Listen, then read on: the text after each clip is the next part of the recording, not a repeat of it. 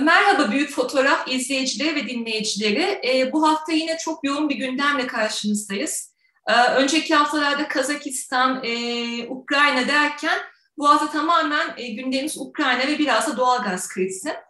E, yine daimi konuğum Sayın Aydın Sezer'le beraber e, beklenen Putin ziyareti ve e, bunun ışığında da e, Rusya, Ukrayna ve e, Batı ile ilişkilerde yaşanan krizleri ele alacağız. E, Aydın Bey direkt e, konuyla başladım dilerseniz. Putin gelir mi? E, gelmesi neler değişir belki de? E, Putin'in geleceğini Allah biliyor. Öncelikle onu ifade edeyim. Ama gelmesi gerekiyor. Çünkü 2010'da imzalanan üst düzey işbirliği anlaşması e, hükümleri uyarınca bu toplantının karşılıklı olarak e, her iki ülkede birer bir alayla yapılması gerekiyor. 2000 2019'dan beri yapılamayan bu toplantı için Putin'in mutlaka Türkiye'ye gelmesi gerekiyor. Özel bir davet gerekmiyor. O davete icabet etmek üzere de özel bir açıklama da gerekmiyor. Konu tamamen teknik düzeyde Dışişleri Bakanlarının belirleyeceği bir takvimle iki ülke liderinin bir araya gelmesi gerekiyor. Yani medyada geçtiğimiz hafta işte Putin geliyor şeklindeki manşetlere bakarken açıkça söylemek gerekirse bir dönem iki lider çat kapı birbirlerini ziyaret ederken, sürekli telefonla görüşürken böyle davetlerle, davete icabetlerle, hatta e, Peskov'un açıklaması çok da enteresandı. Pandemi koşulları ve liderlerin takvimi el verdiği zaman gibi son derece e, anlamlı bir cevaptı. Ama bu ne yazık ki Türk medyasında Putin e, geliyor başlığıyla verildi. Son derece yanlıştı. Gelmesi gerekiyor. Aksi takdirde e, iki ülke ilişkilerinin e, daha da e, büyük sıkıntılı bir döneme gireceğin işaretidir bu. Zaten biz e, hatırlanacağı üzere 3 Ocak'taki yayınımızda sizinle ne kadar erken gelirse o kadar iyi olacak iki ülke ilişkileri açısından demiştik. Biz gazetecilerin çok e, sevdiği bir e, soru şekli var. Gündem maddeleri ne olur? Böyle teker teker hangi gündem maddelerini bekliyorsunuz? Ondan da bahsedelim. Şimdi gündem maddeleri ne olur? Ee, Türkiye-Rusya ilişkilerinde e, özellikle 2016'dan beri yani uçak krizinden sonraki ilk ciddi temastan beri St. Petersburg zirvesinden beri e, maalesef daha çok üçüncü ülkelerle ilgili konular ele alınıyor. İşte bu o dönemler Suriye'ydi, Astana protokolleriydi. Sonra bir ara Libya oldu. 2020'den itibaren, e, 2020 sonlarından itibaren Dağlık Karabağ konusu oldu. 2021 başından beri de önce Ukrayna, Kırım, daha sonra NATO-Rusya ilişkileri oldu. Yani görüldüğü üzere iki ülke ilişkilerini sakin kafayla, tüm veçeleriyle ele alıp değerlendirebileceğimiz ne bir toplantı yapılabildi ne de biz bu konuda yorum yapabildik. Biz hep e, Türkiye-Rusya ilişkilerini üçüncü ülkeler üzerinden e, yorumlamak, okumak durumunda kaldık. E, ne yazık ki, bunu ne yazık ki ifadesini kullanacağım. Çünkü iki ülke arasındaki karşılıklı ilişkilerin çok büyük anlamı, önemi ve derinliği var. Özellikle de iktisadi ilişkilerin, ekonomik ilişkilerin, başta enerji ilişkileri olmak üzere çok büyük bir boyutu var ve biz bu boyutları ıskalıyoruz hep üçüncü ülkeler yüzünden. Peki ilişkiler hala kompartmanlaştırılmış düzeyde mi yoksa bir değişim söz konusu mu sizce? Şimdi e, Menekşe Hanım bu kompartmanlaştırma e, esprisi e, kanımca ta 1957'den bugüne kadar yani Demokrat Parti'nin son günlerinden bugüne kadar e, kullanıla gelen bir ifade. Biz biliyorsunuz e, NATO'nun e, üyesiyiz. Ee, Sovyetler Birliği sınırları yakınındaki NATO üyesiyken bile Sovyetler Birliği ile iktisadi ilişkilerde e, stratejik önemi haiz yatırımlar yaptık. Ağır sanayi yatırımları, daha sonra enerji yatırımları, enerji işbirliği, 90'lı yıllarda e, Orta Asya'da rekabet e, rekabete giden iki ülke arasındaki iktisadi ilişkiler de çok derinleşmişti ve zenginleşmişti. Daha sonra bu kompartımanlaşma esprisi içerisinde üçüncü ülkelerle ilişkileri de yerleştirerek bu tabir kullanıla geldi. Ama artık artık özellikle Ukrayna ya da Rusya-ABD ilişkilerindeki gelişmelere paralel olarak bu kompartımanların kaybolmakta olduğunu görüyoruz. Ee, yine üçüncü ülkeden e, kaynaklanan konular, sorunlar e, Türk-Rus ilişkilerini bugün esir alma noktasına getirdi. Ee, inşallah devam eder diyeceğim ama ne yazık ki e, e, bu boyutu kaybetmek üzereyiz. E, buradan da her iki ülkede kazançlı çıkmayacak. Bunu net olarak söyleyebilelim, söyleyebiliriz. Ama yine tekrar ediyorum iktisadi anlamda, enerji işbirliği anlamında e, buradan e, zararlı çıkacak ülkenin Türkiye olacağını üzülerek ne yazık ki söyleyebilirim. Rusya-Ukrayna krizine e, gelirsek ilk önce büyük fotoğrafını görelim ondan sonra Türkiye boyutunu ele alalım isterseniz. Sizin güzel bir tespitiniz var. Rusya karşısında yeknesak bir batı göremediği için şu anda e, kedinin fareyle oynadığı gibi oynuyor diyorsunuz. Rusya'nın büyük oyunu nedir, oyun planı nedir? bunu biraz açıklarsanız ve e, kimilerine göre işte e, olimpiyatların bitmesini bekliyor harekata başlamak için. E, Şubat sonu, Mart başı gibi bir tahmin var e, eğer bir e, askeri harekat olursa. E, sizin öngörünüz nedir bu konuda? Şimdi e, Rusya Federasyonu ile ilişkilerimizde Rusya'nın arka bahçesinde Rusya'yı e, taciz etmeden olumsuz anlamda e, gelişmelere yol açmadan ilişki sürdürebilme boyutu e, çok önemliydi. Bunu Suriye ve e, Libya ölçeğinde yaşadık. Dolayısıyla burada biz Rusya'nın hemen güney sınırında yer alan ve Rusya açısından çok büyük stratejik önemi olan boğazları kontrol eden NATO üyesi, Batı İttifakı'nın üyesi bir ülke konumuyla hareket ediyorduk. Şimdi Ukrayna konusu aslında Rusya perspektifinden bakıldığı zaman özellikle e, bağımsız devletler topluluğu ya da Sovyet ardılı ülkelerdeki batı yanlısı gelişmeler bu askeri olabilir NATO bağlamında, iktisadi olabilir pazar ekonomisi bağlamında, siyasi olabilir Avrupa Birliği ile ilişkiler bağlamında bu süreç Rusya'yı başından beri oldukça rahatsız eden bir süreçti. Rusya 2000 yılından beri güvenlik konseptinde e, hangi gelişmelerin Rusya'ya tehdit olacağını açık ve seçik belirtmişti. Hatta bunlardan bir tanesi çok enteresandır. Bağımsız devletler topluluğu arasındaki ilişkilerin geliştirilmesini engellemeye yönelik faaliyetler bile Rusya açısından tehditle tehdit olarak algılanıyor. Dolayısıyla 2004'te Ukrayna'da başlayan, 2008'de Gürcistan'la devam eden, daha sonra e, Ermenistan ve Azerbaycan savaşıyla devam eden, daha sonra Belarus'ta e, devam eden ve daha sonra da bu bu ay e, Kazakistan'daki gelişmeler çerçevesinde biz şunu gördük ki Rusya'nın temel önceliği, temel açılımı kendi arka bahçesiyle ilgili gelişmeleri kontrol etmek. Bu öncelik Rusya'nın Batı ile olan ilişkilerinden de, ABD ile olan ilişkilerinden de, NATO ile olan ilişkilerinden de çok daha önemli ve o ilişkilerin belirleyicisi konumunda. Dolayısıyla bu Rusya'nın kırmızı çizgisi. Oysa biz 2001 e, e, yılından beri özellikle Kırım, Ukrayna silah savunma sanayi işbirliğimiz ve Ukrayna'nın NATO üyeliğine giden yoldaki söylemlerimiz çerçevesinde tabii bu işin tuzu biberi e, Kırım platformu da oldu. Onun da e, ortakları arasındayız. Biz e, Rusya'nın o tehdit algısı kapsama alanının içerisine girmiş bir durumdayız. İşte bu bir Suriye, bir Libya, hatta bir Dağlık Karabağ konusundan da farklı bir görüntü arz ediyor. Dolayısıyla Rusya'nın bu uğurda Batı ambargolarına muhatap olmuş ya da olması beklenen ya da Donbas üzerinden, Ukrayna üzerinden Batı ile silahlı çatışmaya girebilecek düzeyde olan Rusya'nın e, perspektifinde Türkiye ile olan ilişkiler ne yazık ki bu defa e, ihmal edilebilir bir boyut taşıyor.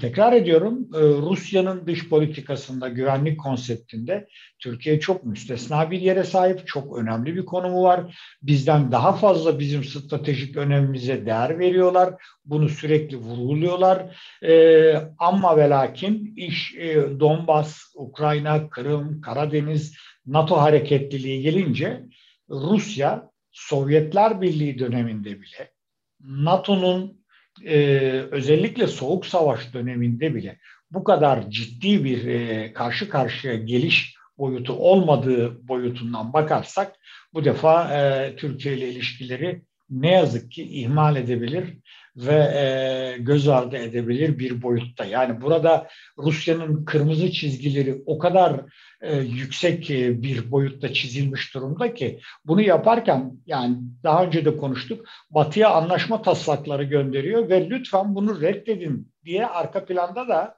bunun geleceğini bile bile bir oyun planı kuruyor.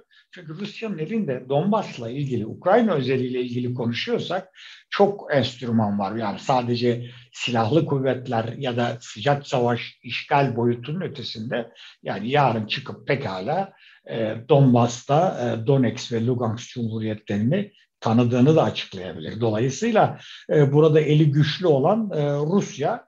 Şimdi bu çerçevede Türkiye ne yapmalı sorusu ha geliyoruz. Yani siz de hatırlayacaksınız. Program öncesi de konuştuk. E, Sayın Cumhurbaşkanımız birkaç gün önce NTV canlı yayınında NATO üyesi olmanın gereklerini yerine getiririz dedi mesela. Bu bir veri. Bu, bunu Sayın Cumhurbaşkanı'nın ben e, bir sıcak çatışma durumundaki Türkiye'nin tarafı veya konumuyla ilgili bir açıklama olarak alıyorum. Ama bir yandan arabuluculuk yapmak istiyoruz. Bu ikisi nasıl birlikte olabilir? Şimdi e, arabuluculuk yapmak istediğimiz konunun tam olarak hangi konu olduğu e, noktasında da bir e, kafa karışıklığı var. Özellikle Kremlin'de de ve Rusya'da. Şimdi Menekşe Hanım e, daha önce de defalarca söyledik. Biz e, Rusya'nın Batı, ABD ve NATO ile geriliminde mi arabuluculuk yapmak istiyoruz?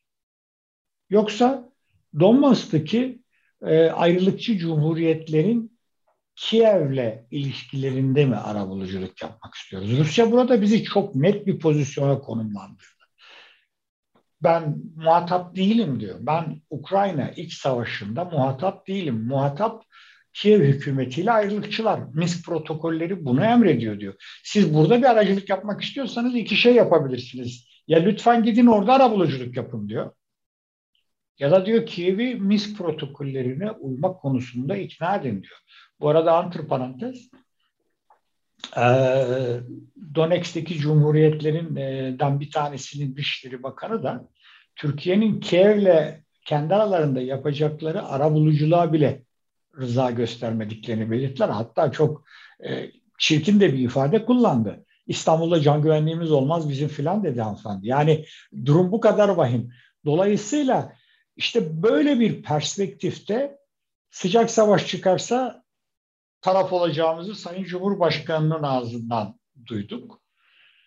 Eğer sıcak savaş çıkmayıp Batı tek yanlı bir ambargo uygularsa, özellikle de iktisadi ambargo uygularsa biz ne yapacağız?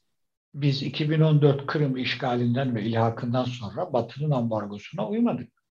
Biz Rusya ile iktisadi ilişkileri hatta bunu bir fırsatı çevirme perspektifiyle e, kullandık. Biraz da Almanya gibiyiz değil mi Aydın Bey bu konuda? Almanya'da şu anda Almanya'da, Almanya bizden çok daha net Menekşe Hanım. Almanya'nın e, pozisyonu bizden çok daha net. E, Almanya bir Avrupa Birliği'nin e, ana dinamosu olmasına rağmen NATO içerisindeki çok önemli bir ülke olmasına rağmen Avrupa'daki en önemli ülke olmasına rağmen Ukrayna krizinde ve NATO'nun doğuya doğru genişlemesinde Almanya'nın pozisyonu bizden çok daha net. Hatta Kırım konusunda da bizim kadar e, yüksek ses çıkartmıyor Almanya. Hatta geçenlerde Deniz Kuvvetleri Komutanlığı'nın e, açıklamasını hatırlayacağız. Putin e, saygı görmesi gerekiyor dedi. Benzeri açıklamalar geliyor. Dolayısıyla e, Türkiye'nin ben asıl hani iç savaş ol, e, sıcak savaş olursa oradaki taraf olmanın nasıl bir felaket olacağını bölge için insanlık için bir tarafa bırakıyorum. Elbette kimse bunu arz etmez. Ama Türkiye'nin hali ne olacak boyutu var. Bir, İkincisi sıcak savaş çıkmadan Batı'nın ekonomik ambargoyu uygulaması, Swift'e kadar varan bir boyutta ekonomik ambargo uygulaması durumunda bizim halimiz ne olacak? İşte bu nedenle sizin sorunuz gündem ne olacak sorusu çok büyük e, önem kazanıyor. Yani doğal gaz mı konuşacağız bu ortamda? Tarım ürünleriyle ilgili gelişmeleri mi konuşacağız? Zaten bir numara olduk Rusya'dan tarım ürünleri ithalatında. Yoksa domates kotasını mı konuşacağız? Yoksa Akkuyu'da Rusların hala 2010 yılından beri bekledikleri finans konusunu mu konuşacağız? Bakın 2023'te hizmeti alınacak diyor. Hükümet tepe tepe kullandığı bir başlık. İşte Türkiye'yi nükleerle tanıştırıyoruz bağlamında. Bunu mu e, göze alacağız? Yani Suriye'de bunun sonuçları ne olacak? İdlib'de bunun sonuçları ne olacak? İdlib'e artık ben şahsen e, çok önem veren birisi olarak başından beri e, Suriye konusu gündeme geldiği zaman ikinci plana bırakıyorum. Fırat'ın doğusunda ne olacak? Dolayısıyla Putin pardon buyurun. Pardon siz devam edin. Ee, ben Medyaskop'ta bir yazı verdim e, Profesör Serhat Güven için. Ee, onunla bağlantılı bir nokta e, şu anda e, gündeme getirmek istedim. Bu Putin'in Türkiye ziyareti belki de diyor e, işte elimdeki tüm diplomasi araçlarını kullandım artık e, bir sonuç çıkmadı Ukrayna'ya müdahale edebilirim e, gibi bir fırsata tanıyabilir Putin'e diyor. E, siz ne düşünüyorsunuz? Bu ziyaret o açıdan da bir fırsat olabilir mi Putin için? Şimdi ben açıkçası Serhat Bey'in yazısını ne yazık ki okumadım. Yani yazının e, içeriğinden tam anlamıyla bilgim yok. Fakat Putin'in bu ziyareti kabul ederek geliyor olması bir lütuf değil. Birincisi bakın bu bu bu kısım çok önemli. Zaten geçen sene gelmedi. Sayın Cumhurbaşkanı Soçi'ye gitti. Baş başa görüşüldü. Heyetler arası görüşme olmadı. Yani Türkiye-Rusya ilişkilerinin sıkıntıda olmadığının göstergesidir Putin'in ziyareti. Sadece bu açıdan çok önemli. Yani hangi başlıklar ele alınacak, liderler birbirlerine ne söyleyecek, ne söylemeyecek bunu bir tarafa bırakıyorum. Ziyaretin gerçekleşmesi bir defa son derece önemli olacak eğer gelirse. Tekrar ediyorum ve vakitlice gelirse. Bir defa bunu net olarak söyleyeyim. Putin Türkiye'ye gelip ben açık söylemek gerekirse Ukrayna ya da NATO'nun doğuya gelişlemesi konusunda Sayın Cumhurbaşkanı'yla herhangi bir konuyu görüşeceği kanaatinde değil. Yani bu konu diyaloğa kapalı bir konu Rusya açısından. Öylesine diyaloğa kapalı bir konu ki Lavrov'da, Şoygu'da, Rus diplomasisi de Putin'in Ukrayna ile ilgili ne karar vereceğini bilmediklerine bile atıf yapıyorlar. Yani bu iş artık Putin'in iki dudağının arasına kadar sıkıştırılmış bir konu. Biz diyorlar planları anlatıyoruz, askerler planları anlatıyor. Putin ne derse olacak diyor. Yani böyle bir durumda Lavrov'un Ukrayna krizinde refere ettiği e, Putin'i Sayın Cumhurbaşkanı Türkiye'de hangi zeminde ve hangi konuda görüşecek? Yani ne diyecek? Ukrayna ile savunma sanayi ilişkilerini kesiyoruz mu diyecek? Kırım'ın ilhakını tanıyoruz mu diyecek? Peki, ya bir de bu Kırım'ın ilhakı konusu gündeme gelir mi sizce? Hiç kuşkusuz. Mesela Donbas'ta e, kullanılması konusunda bir e, rezerv ister mi Rusya?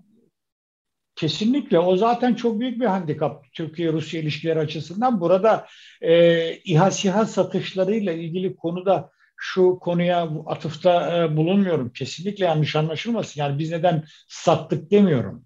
Biz her yere her şekilde satarız ama sattığımız ülkenin onu nerede ve nasıl kullanacağı bizim üçüncü bir ülkeyle ilişkilerimizi etkiliyorsa bunu ölçmesi, biçmesi gereken, dikkate alması gereken ülke biziz. İşte o nedenle diyoruz ya askeri satışlarda e, Türkiye Büyük Millet Meclisi söz sahibi olmalı diyoruz. Biz bunu sadece Ukrayna'da yaşamadık, Etiyopya'da yaşadık sadece Etiyopya'da yaşarken e, Mısır'la ilişkilerimiz yani o kurulan güzel diyalog ortamına olumsuz tesir yaptı. Cezayir'de kesinlikle e, e, aynı şeyi yaşıyoruz. Dolayısıyla o konu ayrı.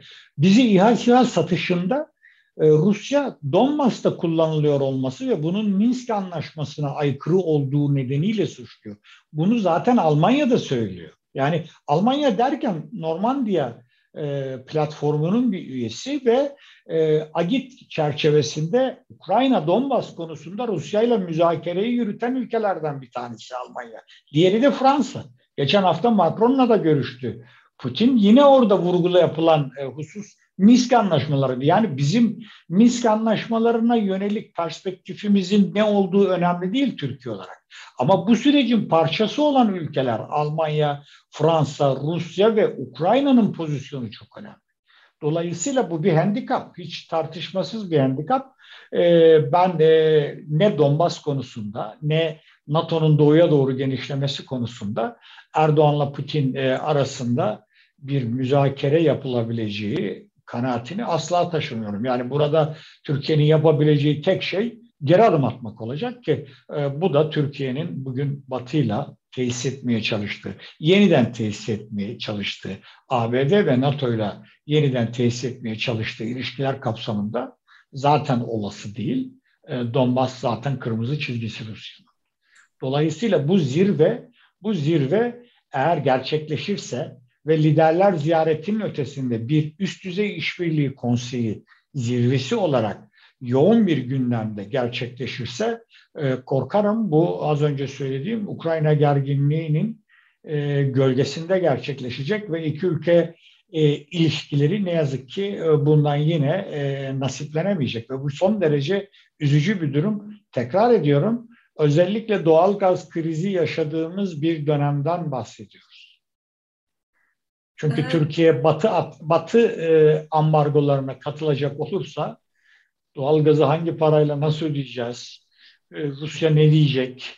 E, Rusya batıya da aynı şeyi söylüyor. Yani Siirt ortadan kalkarsa kusura bakmayın doğalgaz akışını kesmek durumunda kalabilirim diyor. Yani böyle korkunç senaryolar var. Bu da işte e, bizim uçak krizinden beri üçüncü ülkeler üzerinden ilişki geliştirmek açısından Rusya'ya ikili ilişkilerde verdiğimiz tavizlerin bir sonucu. Bunun bir faturası.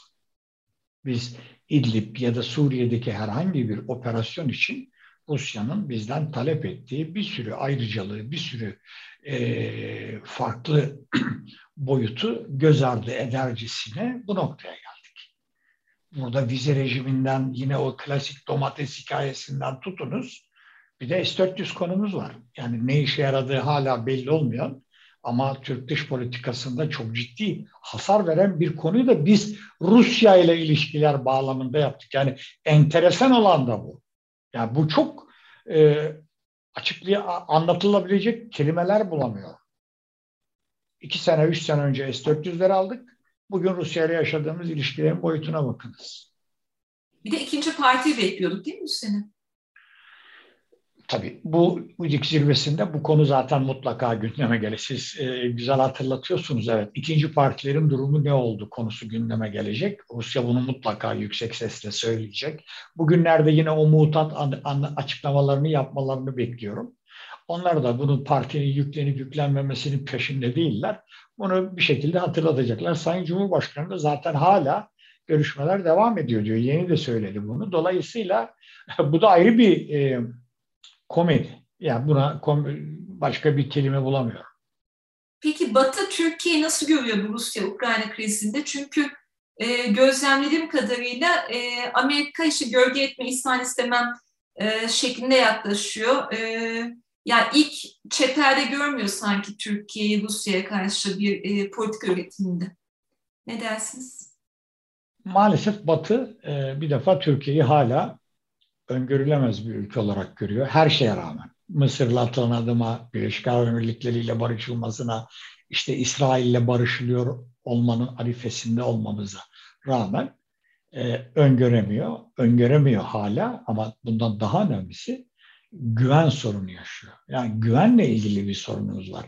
Dolayısıyla Türkiye'nin bu adımlarının pragmatik yaklaşımlar olduğunu yoksa gerçekten kalıcı adımlar olduğunu mu bilmiyor. Ve e, Batı burada Türkiye'yi o eski ta Sovyet döneminden beri sağlam NATO müttefiki olma noktasındaki e, performansını da test etmeye çalışıyor. Ama biz bunu yapmaya çalışırken Almanya bunu yapmıyor Rusya'ya karşı. Çünkü aralarında muazzam bir enerji ve ekonomik ve ticari işbirliği var. Herkes dış politikasında, dış politikanın temel amacı da budur zaten. Milli çıkar kavramıdır. Yani insanların refahına bunu nasıl dönüştüreceğiz? Milli çıkarlarımız ne olabilir? E, boyutudur. Peki biz Türkiye bu krizden nasıl etkilenecek Aydın Bey? Ya ben bunu açıkçası e, düşünmek ya da yorumlamak bile istemiyorum. Askeri boyutunu tekrar bir tarafa koyuyorum. Yani o artık en vahim senaryo. Rusya'ya karşı NATO ile birlikte Ukrayna topraklarında savaşa giren bir Türkiye. Yani bu bu senaryoyu ben hiçbir zaman olmayacak bir senaryo olarak düşünmek istiyorum. Ha, Türkiye burada kamikazelik yapar mı? Vallahi yapabilir. Yani ben ben de Türkiye'nin dış politikasını öngöremiyorum. Bir Türkiye Cumhuriyeti vatandaşı olmama rağmen uzun süreden beri. Ama ben e, biliyorsunuz son iki yıldaki U dönüşünü eleştiren değil, olumlayan bir analist olarak e, konuşuyorum, yorum yapıyorum. Burada bir tereddüt yok. Fakat bundan daha vahimi Batı ambargosu durumunda yani sıcak savaş olmaksızın bir geniş çaplı derin bir Ukrayna ambargosu olması durumunda Türkiye ne yapacak? İşte burada Türkiye Batı ile ilişkilerinde güven testine tabi tutulacak bir ülke olacak. Bu, bu, bu senaryoyu da düşünmek istemiyorum. Tekrar ediyorum. Yani bunu söylerken gerçekten üzülüyorum. Üzülerek söylüyorum. Domates kotası artırmaya çalışan bir ülke konumuna düştük. Yani 25 sene önce ben Moskova'da görevliyken birisi bana bu günleri, tarım ürünleri konusunda bu günleri anlatsa iddiaya girerdim. Asla diyeceğim konulardı. Çünkü biz o dönem Rusya'da en büyük dış yatırımcı ülkelerinden bir ülkelerden bir tanesiydik. Emlak piyasasını biz kontrol ediyorduk. Biz 90'larda egzim kredisi veriyorduk Rusya'ya. Biz Rusya borçlarını ödeyemediği için egzim kredisine silah almış bir ülkeyiz Rusya'dan 96'da. Sovyetler Birliği'nde... Peki nasıl etkilenir Aydın Bey? Montreux rejimi fazla konuşulmuyor ama. Şimdi Montreux rejimiyle ilgili Rusya zaten e, çok güçlü sinyaller verdi. E, Putin de verdi, Rusya Dışişleri de verdi. Hatta öylesine usturuplu bir cevap verdiler ki yani Montreux rejiminin dikkatle uygulanıp uygulanmadığı konusuna da artık odaklanmamız gerekiyor dediler. Daha başka ne diyebilsinler ki? Yani bizim egemenlik alanımız, bizim e, o yere göre sığdıramadığımız Montreux rejimiyle ilgili gelinen durumda da bir güven e, bunalımı yaşanıyor olmalı ki Ruslar bunu da bundan sonra incelemeye almak lazım diyorlar. Yani 2008'deki Gürcistan Savaşı sırasındaki pozisyonumuz özellikle boğazlarla ilgili bir tarafa e, şimdi Menekşe Hanım Karadeniz bir NATO gölü haline geliyor. Yani Bulgaristan ve Romanya'nın üyeliği, Türkiye'nin zaten e, başından beri üyesi olduğu birlik. Şimdi buraya Gürcistan'la Ukrayna'nın da katılımına biz aracı olmaya çalışıyoruz. Biz yardımcı olmaya çalışıyoruz. Düşünürseniz Karadeniz'de NATO üyesi olmayan ülke kalmıyor. Yani Rusya haricinde. Bu tabii ki gayet normal yani aslında bir, bir, Evet bir tehdit algısı. Hı. Ve tekrar ediyorum Rusya hangi başlıkların tehdit algısı olduğunu e, resmi olarak, düzenli olarak güncelleyen ve yayınlayan bir ülke. Şimdi burada şunu da vurgulamak istemiyorum. Ya Rusya her dediği doğrudur. Bunların sınırları budur. Aman dolaşmayalım, bulaşmayalım, karışmayalım. Asla böyle bir şey söylemiyorum. Yani bizim de kendi e, gü güvenlik açısından kendi te al, tehdit algılarımız var. İşte Fırat'ın doğusu mesela. Mesela Suriye sınırı. Mesela Afgan göçmenler. İran sınırı. Mesela Rusya'nın PKK'yı ve e, YPG'yi terörist saymaması. Bu karşılıklı. Burada bir beis yok. Ama biz e, burada vurgulamak istediğim husus biz çok özel bir yere konumlandırdığımız Rusya'yı yani nükleer santral yaptırdığımız, S-400 aldığımız, doğal gaz aldığımız ve boru hatları döşettiğimiz Rusya'yı Rusya'yı karşımıza alma sürecindeyiz. Yani bunun bu kadar net olarak yapılabiliyor olması çok e, büyük bir çelişki. Yani çelişkilerden bir tanesi şu, biz mesela Kırım'ın ilhakını tanımıyoruz. Bunu da son derece yüksek sesle gündeme getiriyoruz. Doğru. Şimdi biz Kırım'ın ilhakını tanımıyoruz ama Kırım'ın Rusya'ya ilhakından ya da katılmasından sonra ortaya çıkan Karadeniz'deki deniz alanlarıyla ilgili, yani kıta sahanlarıyla ilgili, ekonomik bölgeyle ilgili konularda bal gibi Rusya'nın işgalini tanıyoruz. Çünkü Rusya'dan Türkiye'ye gelen e, Türk akım boru hattına onay veriyoruz. Yani burada şimdi eğri oturup doğru düşünmek lazım. Biz Rusya'ya uygulanan Kırım ambargosuna katılmıyoruz. Bu e, çelişkiler demeyeyim de bu e, artık zikzak mı diyelim ne diyelim ama bu Rusya'ya da Türkiye hakkında bazen olumlu imaj, itibar kazandıran hamlelerdi. Ambargoya katılmamak, Türk akımı onaylamak. Çünkü Güney Akım projesine karşıydı Avrupa. Onu yerine geçen proje Bulgaristan'a değil de kıyı kıyıya geldi ama oradan yine Avrupa'ya Avrupa'ya gidiyor ayrı bir konu. Dolayısıyla bizim e, kendi öncelikle Rusya'nın neden e, tehdit algısı var, neden yok buna kafa yormadan önce bu da ayrı bir konu. Bizim önce kendi konumumuzu netleştirmemiz gerekiyor. Yani biz ne yapmak istiyoruz? Özellikle bu son e, diplo, komşularla ilişkileri düzeltme adımlarında yine bazıları geri adım dese de benim olumladığım adımlarla birlikte biz başka bir şey yapmak istiyoruz galiba. İşte o yapmak istediğimiz yerde bizim Rusya ile ilişkileri konumlandırmamız, yeniden tanımlandırmamız gerekiyor. Yani o sorduğunuz soru kompartımanlaşma esprisinin artık bir şeyi kalmadı. Ee, bir e, esprisinin kalmadığı bir sürece doğru giriyoruz. Yani felaket tellallığı yapmıyorum ama bu ne yazık ki e, sadece Putin'in Türkiye'ye gelmemesinden de tekrar ediyorum çat kapı görüşen liderlerin artık davetlere icabet etme noktasına gelmesinden de açıkça ortaya çıkıyor. 2021'de bir tek resmi heyetler arası temas yok. Üst düzey anlamda teknik temaslardan bahsetmiyor. Dolayısıyla Putin'in Türkiye'ye gelmesi gerekiyor. Bu da bizim çok sevineceğimiz bir konu değil. Bu bir hukuki zorunluluk. Eğer ortada bir anlaşma varsa buna icabet etmesi gerekiyor.